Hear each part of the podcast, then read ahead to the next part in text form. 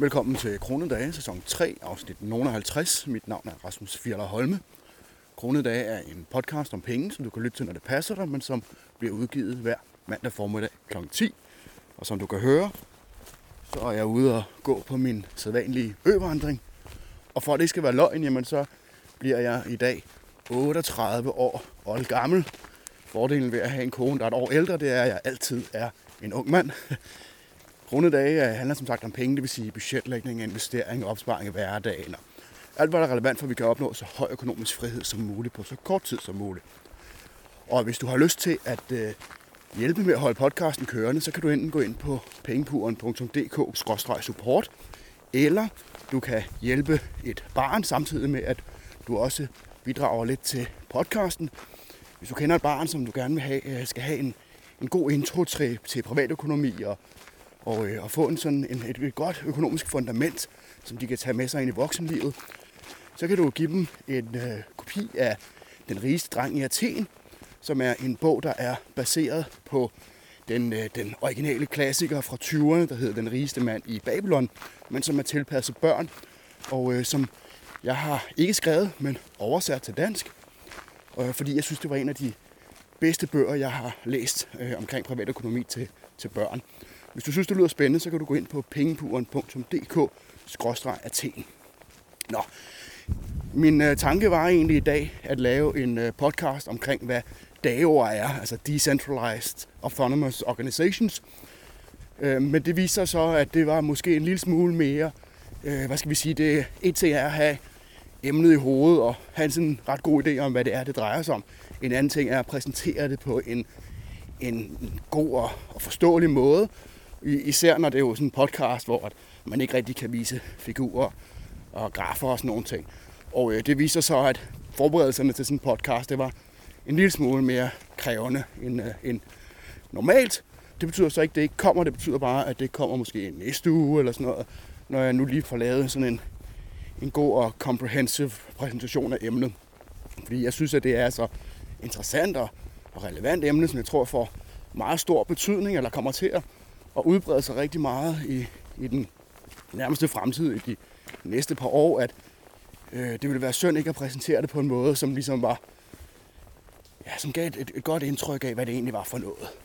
Derfor så tænker jeg, jamen, øh, lad os lave en podcast, som er noget, der er, jeg har talt om så mange gange i så mange forskellige sammenhænge, at det er sådan, hvad skal vi sige, lidt nemmere at ryste ud af ærmet, og, og så stadigvæk lave noget, som måske er, er brugbart. Og det er mulighederne for at spare i hverdagen. Hvis der er noget, som jeg vil påstå, at jeg er god til, så er det at spare på leveomkostningerne. Og, og det hænger lidt sammen med, at min erfaring er, at det generelt set er nemmere at spare 1000 kroner om året, end det er at tjene 1000 kroner om året. Det betyder selvfølgelig ikke, at man ikke skal fokusere på begge dele. Men sådan alt andet lige, så tror jeg, at de fleste af os vil have nemmere ved at spare penge, end ved at tjene dem. Plus at, som man siger, en krone sparet er en krone tjent, men det er bedre at spare den, fordi at, så skal man ikke betale skat af den. Det her med at spare på udgifterne, det er jo meget noget, der svinger fra person til person, hvornår det giver mening.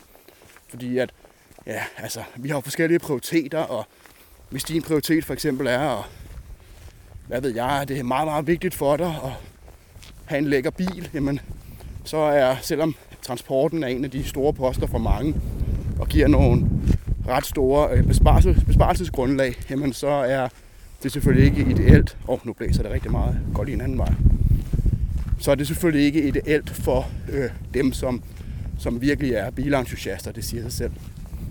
Ikke desto mindre så er der rigtig mange områder, hvor at de fleste af os vil kunne spare ganske pæne beløb, og, øh, og samtidig også, det vil være sådan inden for rammerne af, hvad vi hvad, hvad, der, sådan, hvad der passer med vores prioriteringer, om man så må sige. Og det er måske noget af det første, vi lige sådan skal vente, det her med, hvad det er, vi prioriterer. Når man siger, at man gerne vil spare, eller man beslutter sig for, at man begynder at spare på udgifterne, så har det lidt sådan en negativ klang af, at her er der noget, som man skal gøre, fordi det er fornuftigt, men det er ikke særlig fedt, og det er kun fordi, det er fornuftigt.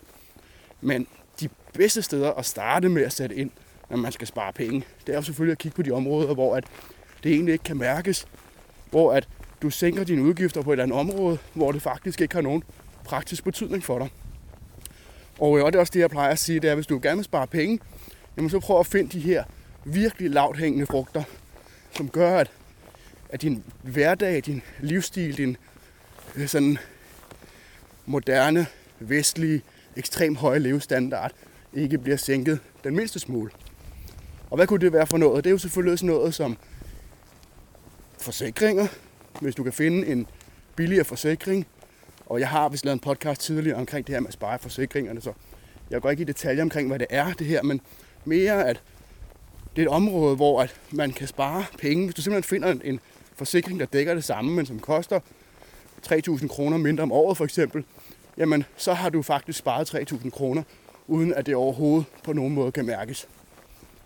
Der er selvfølgelig også den form for forsikringsbesparelser, som ikke er sådan en, en, en, hvor du får noget uden at give noget som helst, men hvor det du mister ved at spare, altså det du ligesom opgiver ved at betale mindre til dit forsikringsselskab, det ikke er noget, du sådan som udgangspunkt kommer til at mærke. Og det kan være sådan noget som at fjerne nogle af alle de her tillæg, der er til nogle forsikringer, som man måske aldrig får brug for, eller som du får brug for så sjældent, at, og hvor, hvor udgiften vil være så lille, at det ikke rigtig kommer til at betyde noget for dig. Det er sådan noget som en klassiker, det er glas og kumme, når man har forsikring på huset. Det er ikke særlig tit, og det er jo også noget, som de fleste af os, hvis vi ellers har sparet op i en periode, ville kunne dække af ja, altså bare trække fra vores bankkonto. Et andet område, hvor du vil kunne spare penge uden at skulle opgive noget, jamen det kunne være for eksempel, hvis du har et fitnessabonnement, som du aldrig bruger.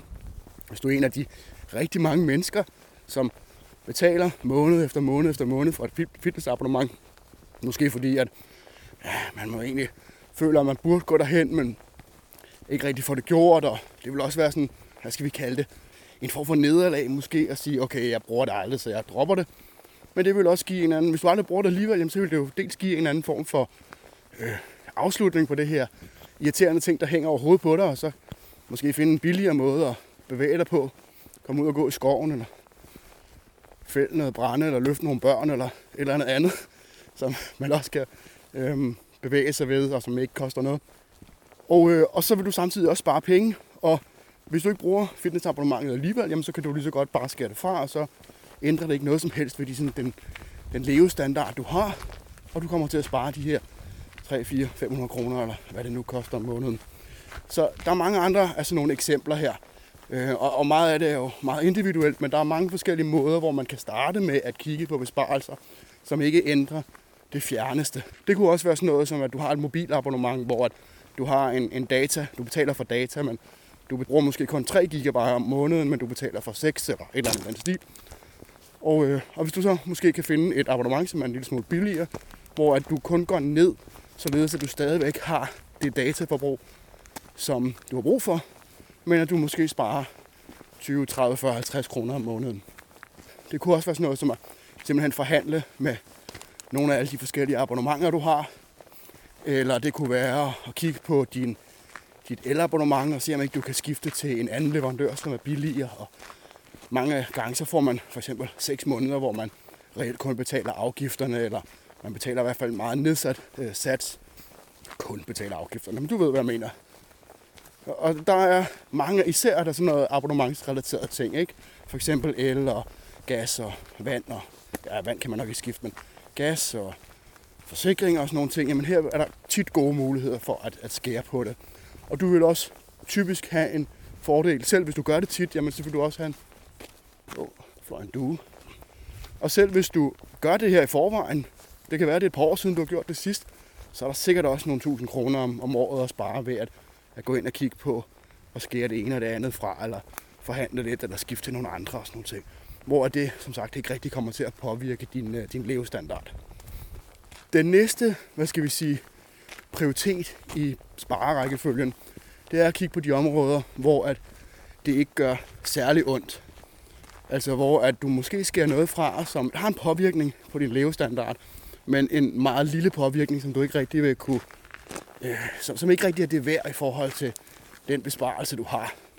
Det kan fx være dårlige vaner, fordi det kan måske godt mærkes, men til gengæld så giver det jo også andre fordele. Og, øh, og dårlige vaner er jo typisk noget, man gerne vil skaffe sig af med alligevel. Så hvis man ligesom kan bruge sparemuligheden som et undskyldning for at lade være med at ryge, eller lade være med at spise fast food, eller hvad det nu er, jamen så er der jo selvfølgelig også en, en fordel her.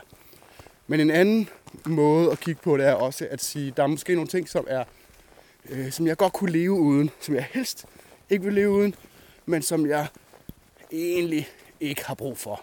Og hvad det er, det kommer jo meget an på, hvem man er. Ikke?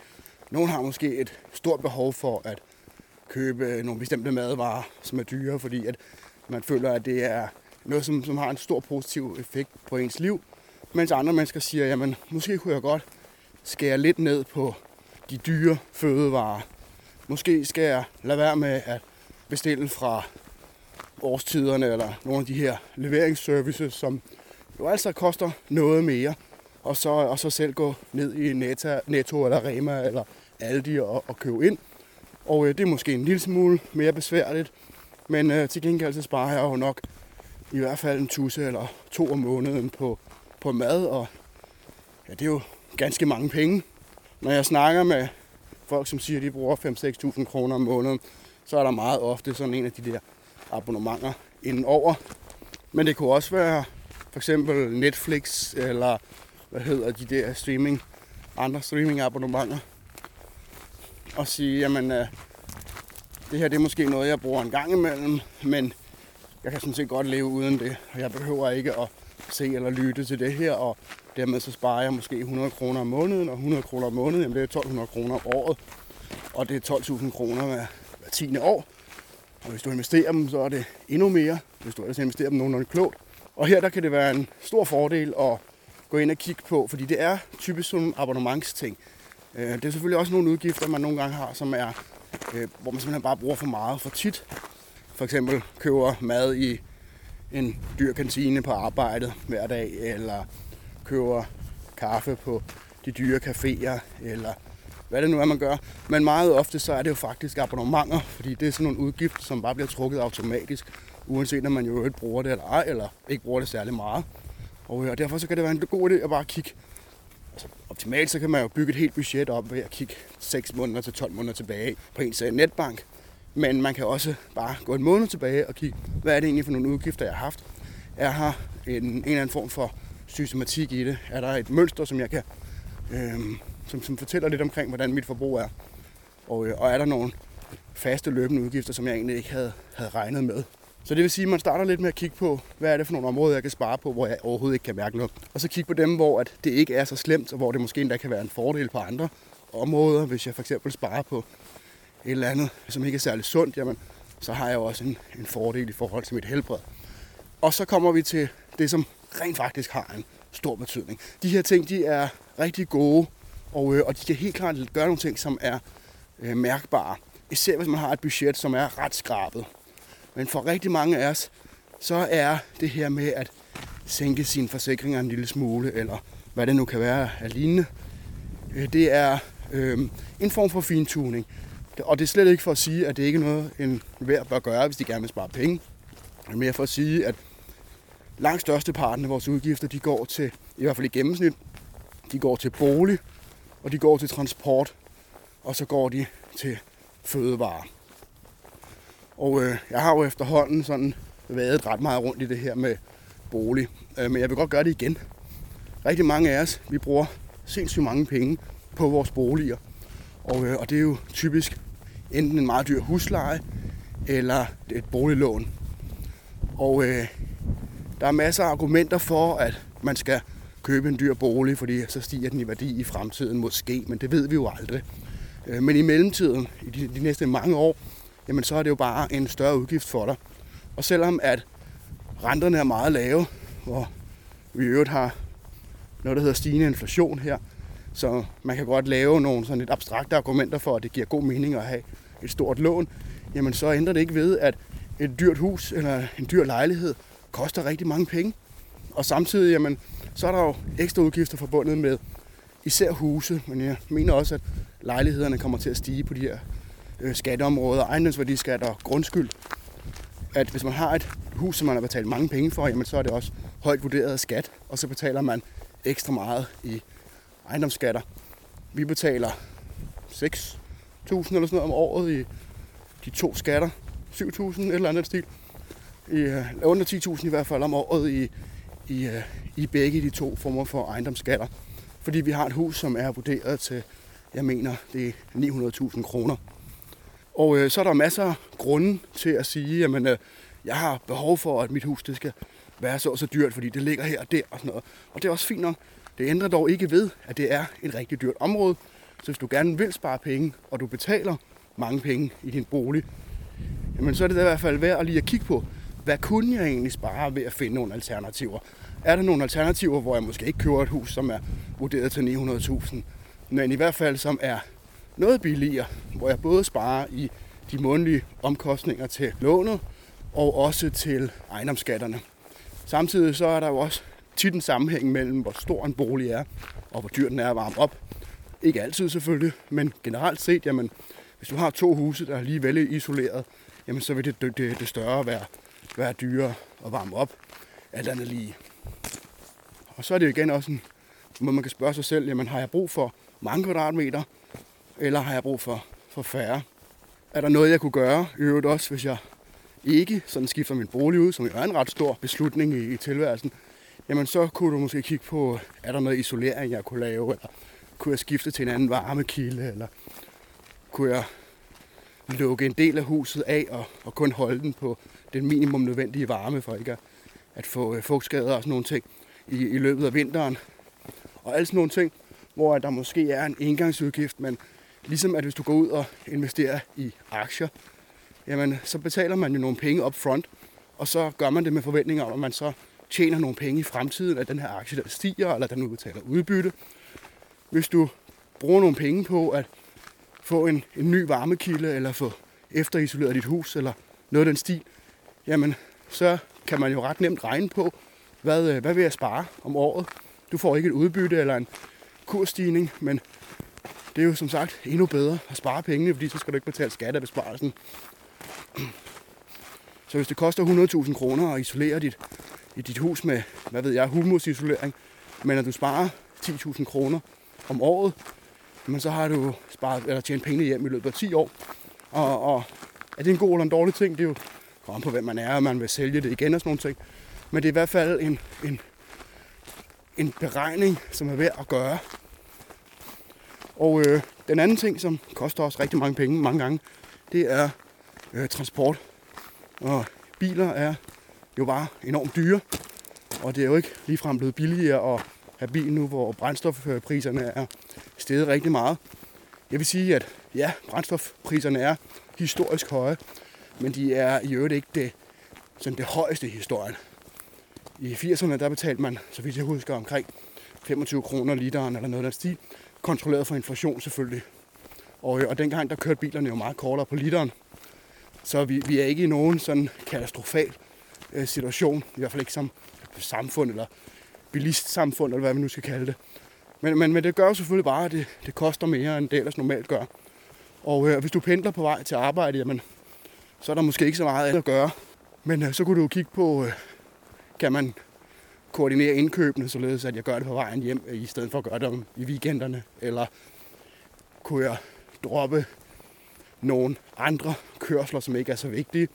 Og, og måske det bare for en periode, fordi øh, ja, må ikke brændstofpriserne de falder igen på et eller andet tidspunkt. Det må man da håbe, men det, det tror jeg da også. Så ville du måske godt kunne leve med ikke at, ikke at køre søndagstur, eller hvad det nu var, i, i mellemtiden. Og, jo, dermed spare på den, den bekostning. Det kunne også være, at du kunne finde en bil, som var billigere i øh, ejerafgift. Hvis du har en stor benzinsluger, som dels koster en formue i, i brændstof, men koster det samtidig også en del penge i, øh, ja, dels i forsikring, hvis, øh, hvis den har mange hestekræfter, men også i, hvad hedder det, grøn ejerafgift, det der tidligere hedder vægtafgift.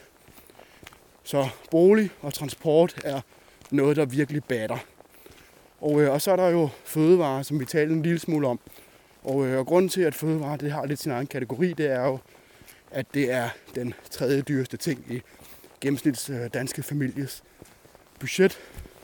Og øh, hvis du bruger, jeg ved ikke, hvis du er 3-4 mennesker i din familie, og du bruger mere end 5.000 kroner om måneden, så vil jeg våge at påstå, at du bruger alt for meget. Og der er masser af muligheder for at spare. Det kan være sådan noget som at købe det her red maden. Lad være med at have de her abonnementsservices. Man kan sagtens købe sund mad, uden at man behøver at, at hoppe på de her øh, ja, abonnementsordninger. Køb, øh, køb på tilbud. Hvis du ser nogle af de her tilbud, der ofte opstår, hvor du kan købe mælk for en 5 literen, eller smør for 10 kroner, så smid det i fryseren. Det kan sagtens holde. Der rigtig mange ting, som sagtens kan være i fryseren. Og øh, måske har du en kummefryser stående, som er halvfuld, og i virkeligheden bruger mere strøm på at køre halvfuld, end hvis den var fuld. Og, øh, og det giver jo også nogle gode muligheder for at købe stort ind, når der er noget. Hvad enten det er tilbud eller red maden, eller hvad det nu er. Åh, den lyder godt nok bred, den hund. Det kan også være, hvis du har en hund, at du øh, kunne finde en billigere måde at forsikre den, eller give den noget, finde noget andet foder, som er billigere, som den også gerne vil have. Prøv at kigge lidt på dit budget generelt, og så se, selv hvis du ikke har budget, så kig på dit forbrug, og kig, jamen er der, er der nogle ting, der ligesom, nogle outlier, man så må sige, at det er helt almindeligt, at man betaler et eller andet beløb til el om, øh, om måneden, men hvis din elregning lige pludselig er meget større end normalt, og også meget større end den burde være, i, selv efter de her betydelige energistigninger, vi har haft, så kan det være, der er en fejl i din regning. Jeg fik en regning her i sidste uge, eller forrige uge, eller hvad det var, på var det 36.000 eller 37.000 for øh, afledningsafgift på mit vand. Og hvis ikke jeg havde set den, jamen, øh, så havde jeg bare betalt en formue. Og øh, det tog godt nok 6-7 opkald at få rettet den fejl, som tydeligvis var en fejl. Og ikke bare mig, der havde glemt at slukke for vandet. Så fik den jo ned på 2.000 eller sådan noget den stil, så det var en ganske mærkbar stigning. Og øh, det kan godt være, at de fleste de vil se en pris på nogle af 30.000.